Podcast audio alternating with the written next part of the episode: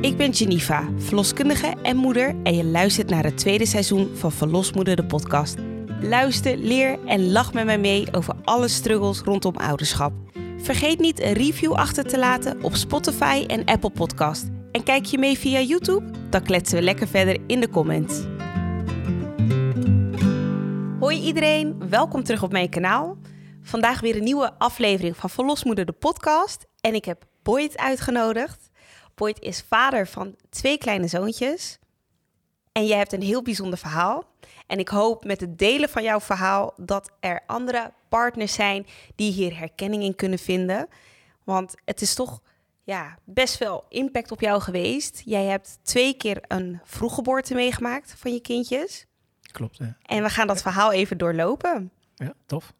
Jouw eerste kleine, die is geboren met Uh, precies eh, 28, 28, weken en eh, vijf dagen. vijf. Ja, ja vijf, waarom zeg ik vijf? Is omdat het echt een wereld van verschil is. Ja, Ja, elke dag telt. elke dag telt en Ja. elk uur zelfs. Dus vroeger zei ik, dacht ik altijd, waarom zeg, praten mensen niet in maanden? Want ja, ik ben zo ver, zoveel weken. En nu snap ik het. Ja, ja, wij als medici spreken altijd over weken. Als iemand vraagt, ja, hoeveel maanden ben ik dan? Dan moet ik heel hard nadenken Ja. van, oh ja, dan moet ik het terugrekenen. Ja. Maar omdat wij inderdaad echt van week tot week leven en van dag tot dag. Op het moment dat jullie ehm, zwanger werden, wat had je gedaan qua voorbereiding? Wat had je verwacht van een zwangerschap? Ja, eigenlijk eh, refereer je gewoon naar wat je kent van je omgeving. Dus eh, ehm, achteraf dacht ik wel van ja, we moesten misschien veel rustiger aandoen of zo. Want we eigenlijk deden gewoon heel veel, omdat ik dacht van heel veel vrienden om me heen, daar deden ze gewoon nog alles. Gingen ze, we gingen nog op reis samen. Ik kan me herinneren dat we in Porto liepen en, en of in Lissabon heb je echt van die, die stijlen en die Hellingen, heuvels. ja. En dat ik ook echt heel erg streng was van kom op man, nog even doorlopen. En, eh, en dat ze kapot ging, dat ze harde buiken had. En ik dacht harde buik hoort erbij. Dus ik was eigenlijk, we waren vrij naïef. Ja. Ik, als ik voor mezelf was, ik was vrij naïef. Ik dacht ja, het hoort er even eenmaal bij. En eh, Mhm.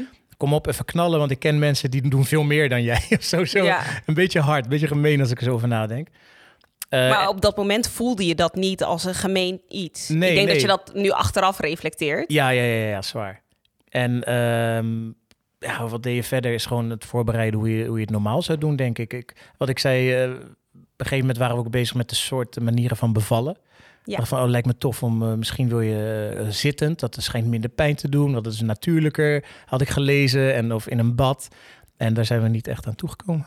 Jij bent wel dus iemand geweest die zei van... oh, ik ga de informatie opzoeken. Ja, ja, ja, ja. Heb je een cursus gedaan of ben je gewoon online ingedoken? En in, of in boeken of podcasts? Wat heb je Eh, gedaan? Podcast en online. En toen vond ik, volgens mij hadden we ooit een keer een gesprek bij een verloskundige. Eh, we hebben maar één gesprek volgens mij ooit gehad, want toen gingen we al medisch. Jeetje, Mina. en daar zei, liet ze een soort van kruk zien. En toen zei ze, ja, hier kan je op bevallen. En toen ben ik dat gaan opzoeken om het aan te bieden aan, eh, aan mijn partner Stephanie. Ja. En dan dacht ja, misschien is dit een eh, toffe manier. En ja, ik ben altijd wel geweest om te kijken hoe, hoe kan je het fijn maken, die ervaring. Ja. In plaats van als een hels iets of zien van met weeën en chaos en schreeuwen. ja. Ja.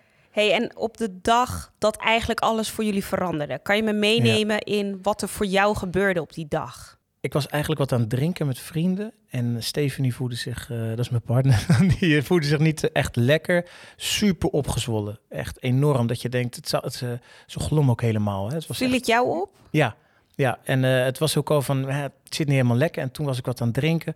En toen zei ze van, ja, ik voel me niet lekker. Ik ben misselijk ook. En, en het gekke was dat ik, dat ik daar zat. Het was op de Witte de Witstraat. En toen dacht ik, ja, ik ga naar huis. Op een gegeven moment zei ik, ik ga gewoon naar huis. Het voelt niet goed. Ja, en toen belde ik haar. En toen zei ik, ja, ik wil eigenlijk dat je toch eh, de verloskundige belt. En zei ze, ja, maar die, eh de maar die wil niet komen. Het was volgens mij ook in, op- in het weekend of zo. Ze zei, ja, die wil niet komen, die wil dat ik rust, eh, rust neem. Dus ik, oké, maar ik kom eraan. En toen in de tussentijd dat ik van eh, Witte de Wit over de brug aan het fietsen was, toen heeft ze toch met haar nicht, eh, nichten gebeld. En één nicht is kinderarts, en de andere verloskundige. En die zei van, ja, eh, ik wil dat je haar laat komen. Die dacht, ik hoor alarmbellen precies. afgaan. In moet- hoe ze eruit zag en hoe ze zich voelde. Ja, dus ze zei van laat haar komen, ze moet komen. En dus nou, dus gebeld, oké, ze komt eraan. Dus dan kwam ik nog, nog tegelijk aan met haar, kan ik me herinneren. En toen kwam ze dus binnen en ook cool, ze zag haar en toen schrok ze eigenlijk. Zei ze van, oké, wow, eh, ja, ik wist niet dat je er zo uitzag. Het ding is, dus ook wel even een side note, Stephanie is ook wel echt goed in het bagatelliseren van, van zichzelf rot voelen of zo. Echt gewoon Ja. een strijder, die denkt van, nee, ik wil me niet aanstellen. Eh, dit hoort er gewoon bij. Het was ook eh, een hittegolf toen. Dus zij dacht dus van, eh, dacht dat opgezwollen gevoel, eh, Ja. die, die voeten, die handen, dat Ja. gezicht, dat hoort er gewoon bij. bij je temperatuur en ik ben gewoon, ik heb te veel gedaan, moe. eh, maar ondertussen haar ring kreeg ze niet meer af en zo. Het was echt, het zag er heel eng uit. En ze zag ook sterretjes. Ja. Maar ja, we wisten helemaal niet van, ja, oké, je ziet sterretjes. en ja. zag ze dat al lang of was dat ja, alleen die dag? die dag vooral, maar die dag daarvoor ook al. Oké, En eh, dus het was sinds kort dat het opeens zo twee verslechterde. dagen of zo, ja. En daar hebben we ook nog foto's van, dat we op een verjaardag in een park waren en dat zij gewoon zat op een stoel, dat je denkt, zo, dus eigenlijk was het daar al aan de gang, Ja, Eh, maar niet gezien. dus Nou, jij had een intuïtie van, hé, hey, ik moet naar huis. Ja, Thuis aangekomen met de verloskundige, die doet Ja. wat controles. Ja, ja toen? ze moest plassen bijvoorbeeld, want daar kunnen ze dan de eiwitten... eh, Klopt. Ja, of ze eiwitten eh, eh, scheiden, toch? Ja, Ja, Eh, uitscheiden. Dus op het moment...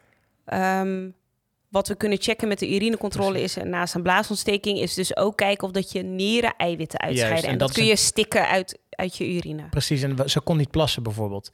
En dat was ook van, oh raar dat je niet kan plassen. En Ja. zat maar... En eh, ze stelde ook de vraag van, ja, wat is jouw... eh, wat zei ze nou? Wat is je afkomst? Nee, nee, ze zei, waar kom je vandaan? En toen zei ik zo, zeiden we allebei, ja, gewoon Rotterdam. Ja, maar ja, waar kom je, kom je vandaan? Die ouders, ja, ook gewoon Rotterdam. En ja, ja, Nederland. Zag je haar echt zo, oh ja, hoe ga ik dit vragen? Ehm, maar, maar wat is dan je afkomst? Ik zeg, ja, zeg dat dan. Zeg Ja. dat dan, weet je wel, want- ja. Zegt ze, ja, zegt ze, ja, en ik, eh, ja, gewoon West-Europees, eh, Nederlands. Ja. En toen zei ze, oh ja, oké, dat is ook wel een teken. Ik zei, wat teken voor wat? En ze zei, ja, ja, dat is, eh, ja, misschien heb je eh, zwangerschapsvergiftiging, maar... Dat is de eerste keer dat jij van dat woord had gehoord. Ja, precies. En Toen zei ik, oké. eh, maar toen eh, ging het zo snel dat ik het ook... Ik ging niet echt wat Je mee hebt niet doen. geregistreerd. Nee, precies. Het was meer, het is een reden om verder te kijken ja, op dat en toen zei ze, ik wil dat jullie toch naar het ziekenhuis gaan voor controle. En Ja. eh, puur voor controle. En het grappige was dat we die da- dagen daarvoor nog zeiden... Ja, je moet wel... eh, ik moet mijn koffer wel gaan inpakken. Mijn, eh, eh, Vluchtkoffer. ja, mijn vluchtkoffer. En we moeten ook een paar routes uitchecken voor... Stel, ik ga met weeën, van stel dus file. En Mhm. eh, dan moet je verschillende wegen. Dus nou, allemaal niet aan toegekomen. Op een gegeven moment zaten we in de auto naar het Erasmus MC. En ik had, Had je spullen voor haar moeten inpakken? ja, ik had voor haar een paar spullen ingepakt. Maar voor mezelf bijvoorbeeld echt maar... Ik dacht, ja, ik neem wel een boxshort mee. Maar Ja. ja, het gaat, eh, we zijn zo weer thuis. Totaal Naïef. naïef van Ja. wat er kan gaan komen. Juist. Alleen met het idee van de verloskundige zeggen, ik moet een controle doen. Ja. Had je toen ook al hard in de keel dat je dacht van, oh shit, Nee. gaat het fout of gaat het nee, goed? totaal niet. Het was, eh, het was echt gewoon van, oké, we gaan controle en eh, het komt wel goed. En we zien het wel. En ja, het grappige was dat toen we aankwamen, dan moesten we ook naar, ehm, welke afdeling was dat? Eh high care. Mhm. Gelijk daar liggen. En, en Ja. al, iedereen schrok. En ik schrok een beetje van hoe iedereen reageerde op haar. Ja, En toen kwam ze met, eh, heeft ze toch kunnen plassen, kwamen, hebben ze onderzoek gedaan. En toen schrok dus die vrouw, eh, ik, ja, ik weet niet meer precies wat haar functie was. En die schrok wel van de, de eiwitten die ze zag tot aan de, de bloeddruk, die was enorm hoog. En die zei van ja, ik denk dat jullie eh, een eh, zwangerschapsvergiftiging hebben. ja. En toen was van oké, toen kwam die even binnen. Zei ze, maar ik moet nog even wachten op je bloedwaardes. Ja. En da- da- dat duurde wat langer. ja. Nou, kom zo terug. Toen zeiden we nog van ja, we gaan niet, eh je moet niet gaan googlen nu. nee, Wat het is, want dat staat het me- dat was meest jullie afspraak van, we, gaan niet, eh, we gaan dat niet doen. Nou ja, vijf minuten later zit ik toch stiekem zo in mijn telefoon. En, eh, en ik, lees, ik lees gewoon, ja, Google zegt altijd het meest slechte wat er is, weet je wel. Ja, De heftigste dingen komen Ja. naar boven, weet je. Dus het was super stom dat ik dat deed. Want wat, er- wat ik lees is, eh zwangerschapsvergiftiging, ja, één van de twee gaat overlijden, minimaal. Dat is eerst een van de eerste dingen die ik lees. ja. En toen zegt zij van, ja, wat staat er? Dus ik zeg, nou, eh, ik ging helemaal kapot van binnen. ja. Ik dacht, ik was, ik schrok, ik denk, en ik zei, ja, eh, ja, gewoon, je moet even rusten. Dus En, je hebt die angst voor jezelf ja, ja, ik dacht, gehouden. ik ga het niet je tegen dacht, haar ga het niet ja. delen. En ik kan me wel herinneren toen haar broer belde of zo, van ja, wat is er aan de hand? Dat ik even brak of zo, dat ik begon te huilen ineens en van angst. Ik zeg, ja, ik, ik weet niet meer, ik weet niet wat er aan de hand is, dit. En toen zei zij tegen mij van, ja, boy, het even niet, man. Ik moet even... En vanaf dat moment heb ik het geblokt of zo. Ja, gevoel uitgezet en Ja. gedacht, ik moet nu zorgen. Ja, precies.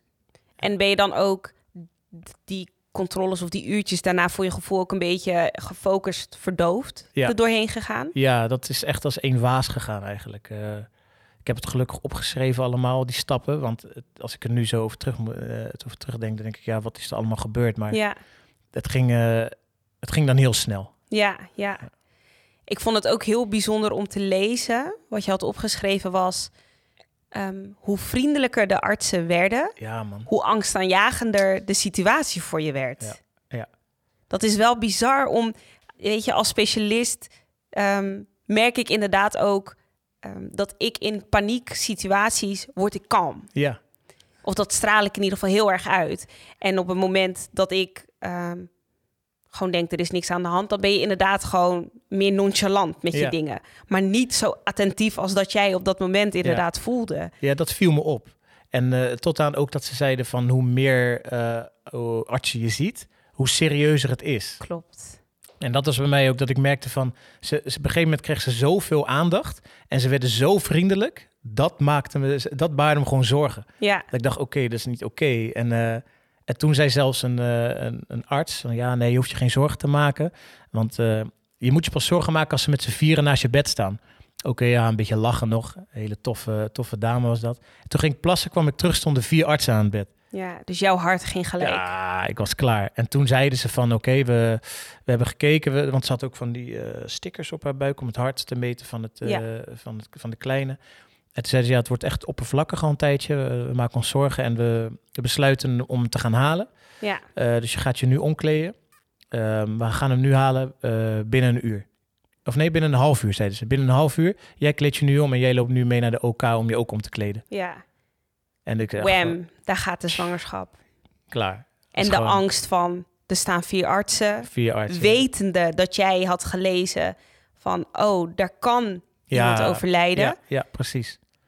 En dan ook nog wetende laat. Dus je hebt wel een beetje gecheckt of van 28 weken van ja, dat is gewoon Is heel vroeg. super vroeg. Ja, Dus, eh, maar, maar ook weer zo'n ding dat we, je had niet echt tijd om na te denken, want ik werd al meegenomen. Ik kan me herinneren dat ik daar na de OK al liep en mijn telefoon aan het leegmaken was eh, voor foto's. Want ze zeiden, je moet zo je telefoon afgeven. Iemand gaat foto's maken. ja. Maar ik wist ook dat mijn telefoon vol zat. En jij, Dus ik- ja, Dus ik ja, zat nog te verwijderen filmpjes. En, eh, en dan en ik kom je er ook achter wat nou belangrijke filmpjes zijn. Ja, dan knal je alles eraf. Alles eruit, omdat ik dacht, ja, dit is belangrijk. Ja, En, eh, en dat ik dat leeg had gemaakt en kreeg ik die kleding aan. En toen kwam haar nicht nog, die, die was eventjes gekomen. En zei, Die kinderarts, want ik kende het Ja. ziekenhuis. ja, En zij zei van, ik, ja, ik brak ook een beetje van, ja, wat moet ik doen? Ze zegt, ja, kom, oké, ga gewoon voor haar daar zijn. En, eh, en toen, kan- ja, toen ging het super snel. ja. Ze waren, ja, ze, ik weet hoe het gaat. Ze krijgen dan een keizersnede. Ehm, ze maken foto's. Je, het, het gaat binnen. Een, ze zeiden ook van, het moet nu snel, want het kan zo gebeurd zijn. Het ging denk ik binnen vijf minuten. ja, Was die er? ja, En ik kan me echt herinneren dat het moment van waar ik eigenlijk het meest naar uitkeek bij een eh, bevalling, een zwangerschap, dat je het kind ziet en dat je als vader en moeder elkaar aankijkt en helpt of zo. ja. Ik weet niet, dat vond ik dan. Ik Dat dacht is, van, dat is het mooie moment dat wordt uitvergroot op tv Ja, en alles wat je ziet. van oh, wat, kijk wat, hoe mooi, hoe prachtig. En ik Ja. keek daar super erg naar uit. En nu eh, kwam, die- werd hij gehaald en ze lieten hem dan, er zit een doek voor. Of een doek, een, eh, een wit, wit plastic met een doek. En op een gegeven moment zakken, laten ze het doek zakken, zodat je niet alles ziet, om die kleine te laten zien. Nou, hij was eruit, zeg maar. En ik zeg, hé, dat is hem. Ik zei van, volgens mij is hij er. En je hoorde hem een krijs geven. Ik zeg, dat is hem. En ze lieten hem zien. En toen kreeg ik dat gevoel. Zeg Ja. maar dat ik, ik brak, ik begon te huilen. ja. Ik zei, hij is Opluchting, want hij was er. opluchting Ja. en van we hebben een kind, want hij is, hij is naar buiten. En toen kwam dat gevoel van angst weer binnen na 10 seconden en blokkeerde ik weer. Dus ik heb niet kunnen genieten van, van, dat moment. van het moment van hoe gelukkig het is dat die kleine er is. Ik was gelijk weer bang. En toen moest ik gelijk mee naar de, met de kinderarts, want de kinderarts neemt het dan over. Want hadden jullie dat ook afgesproken met elkaar in die kleine half uurtje tijdsbestek van... Zij, nee, zij ga je het. mee met de kleine? Of... Ja, zij keek me aan. En ja, moeders die kijken, die zijn van, jij gaat met hem mee. En zij is gewoon geen, geen twijfel van, ja. niet eens van ja, ja. Nee, ik was oké, oké, oké. Ja, ja, je dacht ik volg. Ja, ik ga Ik gewoon. volg waar ik moet gaan. Cool. Ja. En, zij- en toen werd zij weer dicht eh, eh, getimmerd eigenlijk. eh, om het even Ja, oneerbiedig te zeggen. ja. Maar toen moest ik mee en... ehm, dat duurt best lang, hè? Dat, dat proces Ja, van het hechten. Het, Ja. het krijgen van je kind gaat heel snel. Ja, en dan... Maar het dichtmaken, daar, daar kan soms echt tijd overheen Ja, gaan. precies. Ja, en in die tussentijd stond ik, stond ik eigenlijk daar. En toen werd hij in een plastic zak neergelegd. Op een, hij was echt onder de kilo al. eh, op een eh, zilveren tafel. Nou, de kinderarts ging bezig. En toen stond... En dat was al het moment dat ik denk... eh, ik ben, daar ben ik nog nooit zo bang in mijn leven geweest. Omdat ik dat, dan kwam dat moment terug van het Google eh, eh, zoeken. En dat hij zo klein is. Zo klein, hij lag daar. Eh, links van mij, eh Stephanie lag daar. En ze waren, kijk, eigenlijk een zwangerschapsvergiftiging is dat de vrouw uiteindelijk eh, ook stervende is. Ja, Dus als, je, als ze niet bevalt, sterft ze. Dat Precies. is even hard gezegd, hè? ja, Eh, Ja. Dus ik wist ook gewoon, zij is haar lichaam is stervende. Hij is natuurlijk ook. Dus ik dacht, ja, ik kan ook gewoon met lege handen naar huis gaan. mhm. Ja, en dat, dat, ik heb dat gevoel heb ik nog nooit gehad. En dat, dat kreeg je op het moment daar. Ja. Dat, Toen dat ik daar stond, ik kon even, het was even een momentje dat ik alleen stond. Oeh, is heavy. Ja, en ik keek zeg maar daar, die kleine, waren ze mee bezig met allemaal infusen en dingen en ademhaling. En zij, en zij lag daar open en iedereen was nog bezig op bed. En ik dacht alleen, ja, het is... Ik eh, hoop dat dit allemaal goed blijft Ja, gaan. ik kan niks doen. Nee, Die, dat gevoel van machteloosheid, ik denk dat ik nooit zo bang ben geweest in mijn leven. ja. En niemand kon op dat moment misschien die angst weghalen. Nee. Nee, want Dat is het ja, ik uitzitten. ben, het is heel stom, hè. Je, je wilt ook niet, maar de vader is echt niet belangrijk dan. Nee. Je bent, is geen, ja, ik ben gewoon Op dat moment zijn ze levens aan het redden. Precies, en ben jij oké? Ja, dus niemand gaat Ja. zeggen van, eh, gaat het met je of zo. Nee, tuurlijk niet. Dat snap ik ook. Maar tegelijkertijd ga je kapot. Ja. En ik denk dat het soms nog moeilijker is om bij de zijlijn te staan... Ja. dan het daadwerkelijk ervaren van de situatie zelf. Omdat de situatie die je zelf hebt... heb je nog een beetje controle van het feit van... het is mijn lijf, ik doe iets. Juist. En daar buitenaf staan Zo. voelt volledig Ja, machteloos. ik denk dat, en dat ook dat, dat instinct, hè, dat vaderinstinct wat erbij komt. Of zeg maar, dat je gewoon niks kan doen. Ja. Je kan niks doen. En Ja, je weet dat zij Terwijl je wel wat hebt gedaan.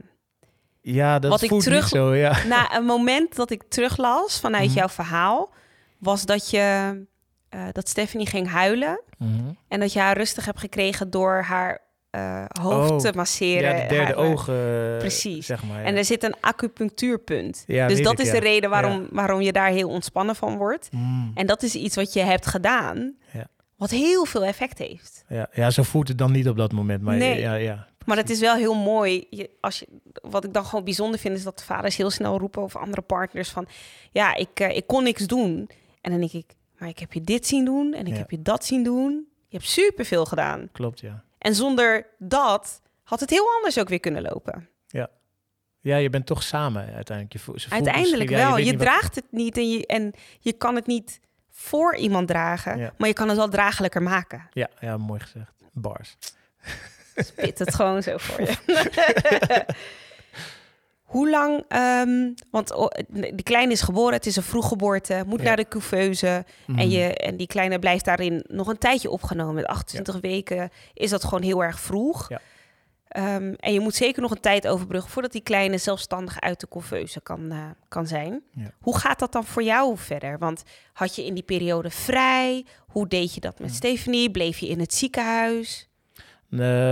Ik had vrijgenomen. Dus ik had wel, ja, ik ben, eh, toen was ik helemaal, ja, nu niet helemaal, maar toen was ik ZZP'er helemaal. En toen kon ik gewoon even alle opdrachten eh stopzetten. Cancelen, ja. Het was ook zomer, dus er was ook wel wat minder. Dus het kwam goed uit. Ehm Stephanie die bleef daar om te herstellen. En toen ze, dat is ook weer, hè, als het beter gaat, dan, dan, ze moet, niks, ze, moet ja. ze naar een andere kamer. En dan zie je die, eh, en dat was een goed teken. Hè? Dat wist Ja. ik ook de tweede keer van. Ik, toen zag je zelfs niks. Ik zeg, dat is een goed teken. Dus, dat is goed. Ja.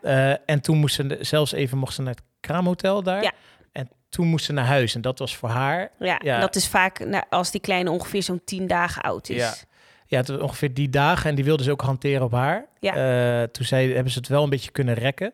Maar ja, voor haar was het... Zij ging echt helemaal kapot dat ze weg moest. Want Mhm. eh, al wonen we niet ver van het ziekenhuis. Ja, maar toch maar je ze- laat je kind daarachter. Precies. Hoe was dat voor jou? Ja, het was, was super raar. Want wa- jij bent niet tien dagen daar gebleven. Nee. Je moest wel vanuit huis waarschijnlijk heen en weer schipperen. Ik heb nog wel even in het kraamhotel ook een paar dagen gezeten. Maar ik was voornamelijk gewoon eh, ja, logistiek bezig, constant. Ja, Eh, eh, ook de tweede keer.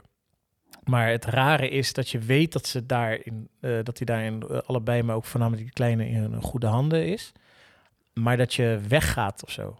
Dat je niet naar huis gaat. ja, Dat was het meest mentale. Dat je dacht, hè, maar het klopt niet dat, dat hij daar blijft. ja, het hoort toch gewoon dat, dat hij dan meegaat of zo. Ja. En dat je dan een kraamperiode, een hele prachtige kraamperiode ingaat en- of zo. Ja. ja. En gaat wennen en dan en gaat zoeken en, en, en, en lekker thuis waar je het op voorbereidt. Want het was wel klaar of zo. Eh, Nou, niet helemaal. Dat was ook zo'n stressmoment dat ik dacht van, hij komt al. Ik dacht, ja, maar Stond wacht even. alles klaar. Ja, maar zijn matras hebben we nog niet. Daar wachten we nog op. Duurt super lang. Als al die, al die kinderspullen. Ja, ja. En ik zeg, maar die matras, maar niet wetende dat hij niet. Hij komt niet gelijk Naar naar, huis, huis, weet je wel. Ja, eh, ja. En dan blijf en dan krijg je te horen van ja, hij moet waarschijnlijk de eh rekenen met de zwangers, de uitgerekende periode. Dus hij is in 25 juli en hij zou in oktober uitgerekend zijn. Dan pas zou hij ongeveer naar huis gaan. precies. Ja, super raar. Ja. Dus, eh, ja. Heeft het heel veel impact gehad op jouw leven daarna? Want die zomermaanden was je dus de- vrij, als in je hebt werk laten liggen. Ja. Hoe is dat? Op een gegeven moment moet je je leven weer oppakken. Moest je dat al eerder oppakken, dus in de periode dat hij nog in het ziekenhuis lag? Of heb je het volledig los moeten laten Nee. totdat hij naar huis kon? Ik heb wel, ehm, ik heb heel veel afgezegd. En op een gegeven moment zei ik, misschien is het ook goed om, eh, om, om wel te werken. Om- maar op een gegeven moment ben je alleen maar bezig met, eh, en Stephanie, is- die, moet ik, die mocht eerst niet rijden. En, en eh, omdat ze uh, keizersnede mocht ze zes weken niet stillen. Niet. Dus dat was wel pittig dat je dan haar gewoon de hele tijd brengt. En dan kijk je zelf van, heb ik zelf nog een beetje tijd? En op een gegeven moment vind je daar toch wel een soort van ritme in, structuur. Maar het was wel zwaar. Ja, Eh, alleen op dat moment denk je dat niet. Wat wel is dat ik toen een eh, theatervoorstelling had op de, in Amsterdam op de parade en die kon ik niet afzeggen. Eh, en ik dacht misschien, ook financieel kon ik het niet afzeggen. Want nee, ik had al echt dat was gewoon lang- nodig. Ja, precies. Dus die ging ik dan aan, maar dan ging ik elke dag ook naar Amsterdam en dan weer, of nee, eerst in de ochtend buidelen. En dan daarna ging ik naar Amsterdam en dan ging Stephanie in de middag weer buidelen. Ja, En dat was dan mijn, mijn routine voor drie weken lang. super heftig. Ja, en toen kon ik me in, in dat uit, naartoe, werk, Klaar, terug. En toen kan ik me herinneren dat ik... eh, de, een van de laatste voorstellingen was ik gewoon door mijn rug gegaan met iets heel kleins. En toen, ja, toen brak ik ook of zo. Zei ik, ik kan het gewoon, ik ben gewoon kapot. Ik ben Ja. leeg. De stress komt uit je lijf. Ja. Met een hele, ik sprong uit een doos en toen ging ik door mijn rug. ja. Ik, kapot, gewoon. Ja, ja. Het, dan heeft het toch wel heel veel invloed. Die nasleep heeft heel veel invloed Ja. gehad.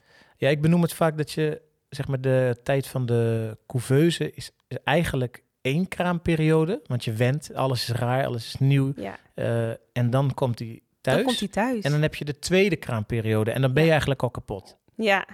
En dan, En moet je alles opnieuw erbij. zelf doen en, en zonder hulplijnen. Zonder hulplijnen.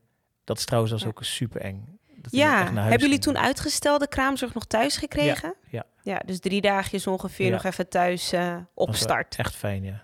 Ja. Ja. Was je er blij mee met het idee van, oh, er komt nog iemand eventjes Ja, een handje ja, ja, zeker. bieden? Ja, het was, en we hadden ook de eerste nacht dat hij thuis was, eh, de nacht daarna, kan ik me herinneren dat hij dan een beetje zieker werd of raar, eh, snotterig. En toen hadden we gebeld en toen gingen we midden in de nacht weer naar het ziekenhuis. Ja. Eh, toen was hij al naar het Maastad toegegaan. Eh en toen moesten we moesten daar blijven. En toen- dat wat kan ik me herinneren, dat ik daar wist van... Want ik cijferde mezelf constant weg eigenlijk. Omdat ik dacht, ik mag ook niet zeuren, want zij Ja. hebben het zwaar. Weet je? Ja. Hij, heeft het zwaar. hij is aan het strijden en Stephanie heeft het zwaar. Want die is, gaat mentaal ook door een ding en ze is nog helemaal aan het herstellen. Mhm. Eh, maar toen kan ik me herinneren dat ik bij Maastad stond. En toen mocht, kreeg ik te horen dat ik niet mocht blijven slapen. Dus ik moest naar huis. En toen was ik helemaal van... Maar, dus ik moet weg van mijn gezin. Ja. Ja, ik kan echt niet blijven slapen. Oké, en toen ging ik s'nachts naar die eh, parkeerplaats. Eh, er zit zo'n buitenparkeerplaats waar je auto staat. ja. En toen kan ik me herinneren, ging die, die automaat het niet, die parkeerautomaat. En toen deed, deed ik mijn kaartje erin. En toen stond er weer een bedrag dat ik dacht van, hoe werd ik, ik, ik kreeg kortsluiting. ja. Dat ik boos Hoe werd. durf je? Hoe durf je aan mensen die in paniek en in dingen Ja. zo'n eh, zo'n bedrag te vragen voor parkeren? Ja. En toen kan ik me herinneren dat ik soort van mijn vuist kapot heb geslagen op die, op die automaat. Ja. Terwijl ik dacht, ja, die automaat heeft niks gedaan. Nee, maar het is Maar gewoon vet die- veel ja, frustratie. Bij die dingen merkte ik dat er heel veel zat en speelde, maar dat ik de hele tijd dacht, oké, even niet, Boyd, even niet. Ja. Kom op. eh. Ja, en ik denk dat dat de valkuil is ook voor heel veel partners, waardoor waar weet je, jullie, bij jullie is het dan vroeggeboorte en een zwangerschapsvergiftiging geweest, maar het kan ook andere reden zijn dat je een keizersnede hebt of dat er een miskraam gebeurt of dat er weet je andere complicaties te zijn, dat je als partner inderdaad de ondersteunende factor moet spelen, terwijl je een heleboel shit meemaakt. Ja, man. Ja, het is dat. Ik denk voor, voor vaders voornamelijk eh, het machteloze. Ja. Dat je daarbij dat je het gevoel hebt van ik kan mijn gezin niet beschermen of ik kan niks doen. Ja, Ehm, en die vermoeidheid. Op, op, het is voornamelijk ook een mentale vermoeidheid. Want we sliepen toen best goed of zo. Ja. Bij die tweede, toen dat met die couveuse, eh, moest hij ook weer de couveuse in. Ja, En toen had ik ook nog een, een kleine rondlopen van drie. ja. Ja, dat was echt niet te doen. Nee. En dat is ook nog één. Want op een gegeven moment is dit hoofdstuk afgesloten. Ja. Jullie hebben een prachtig gezonde zoontje. Ja. Dat gaat goed. En ergens komt dan de beslissing weer van we gaan voor een tweede. ja. Hoeveel impact heeft dat op die beslissing?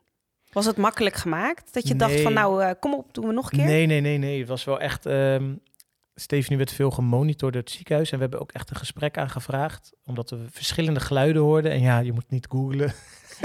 Van, eh, But did it van, again. ja, kan dat? Wat is het risico? En ja. dan krijg je natuurlijk van, nee man, you're all gonna die.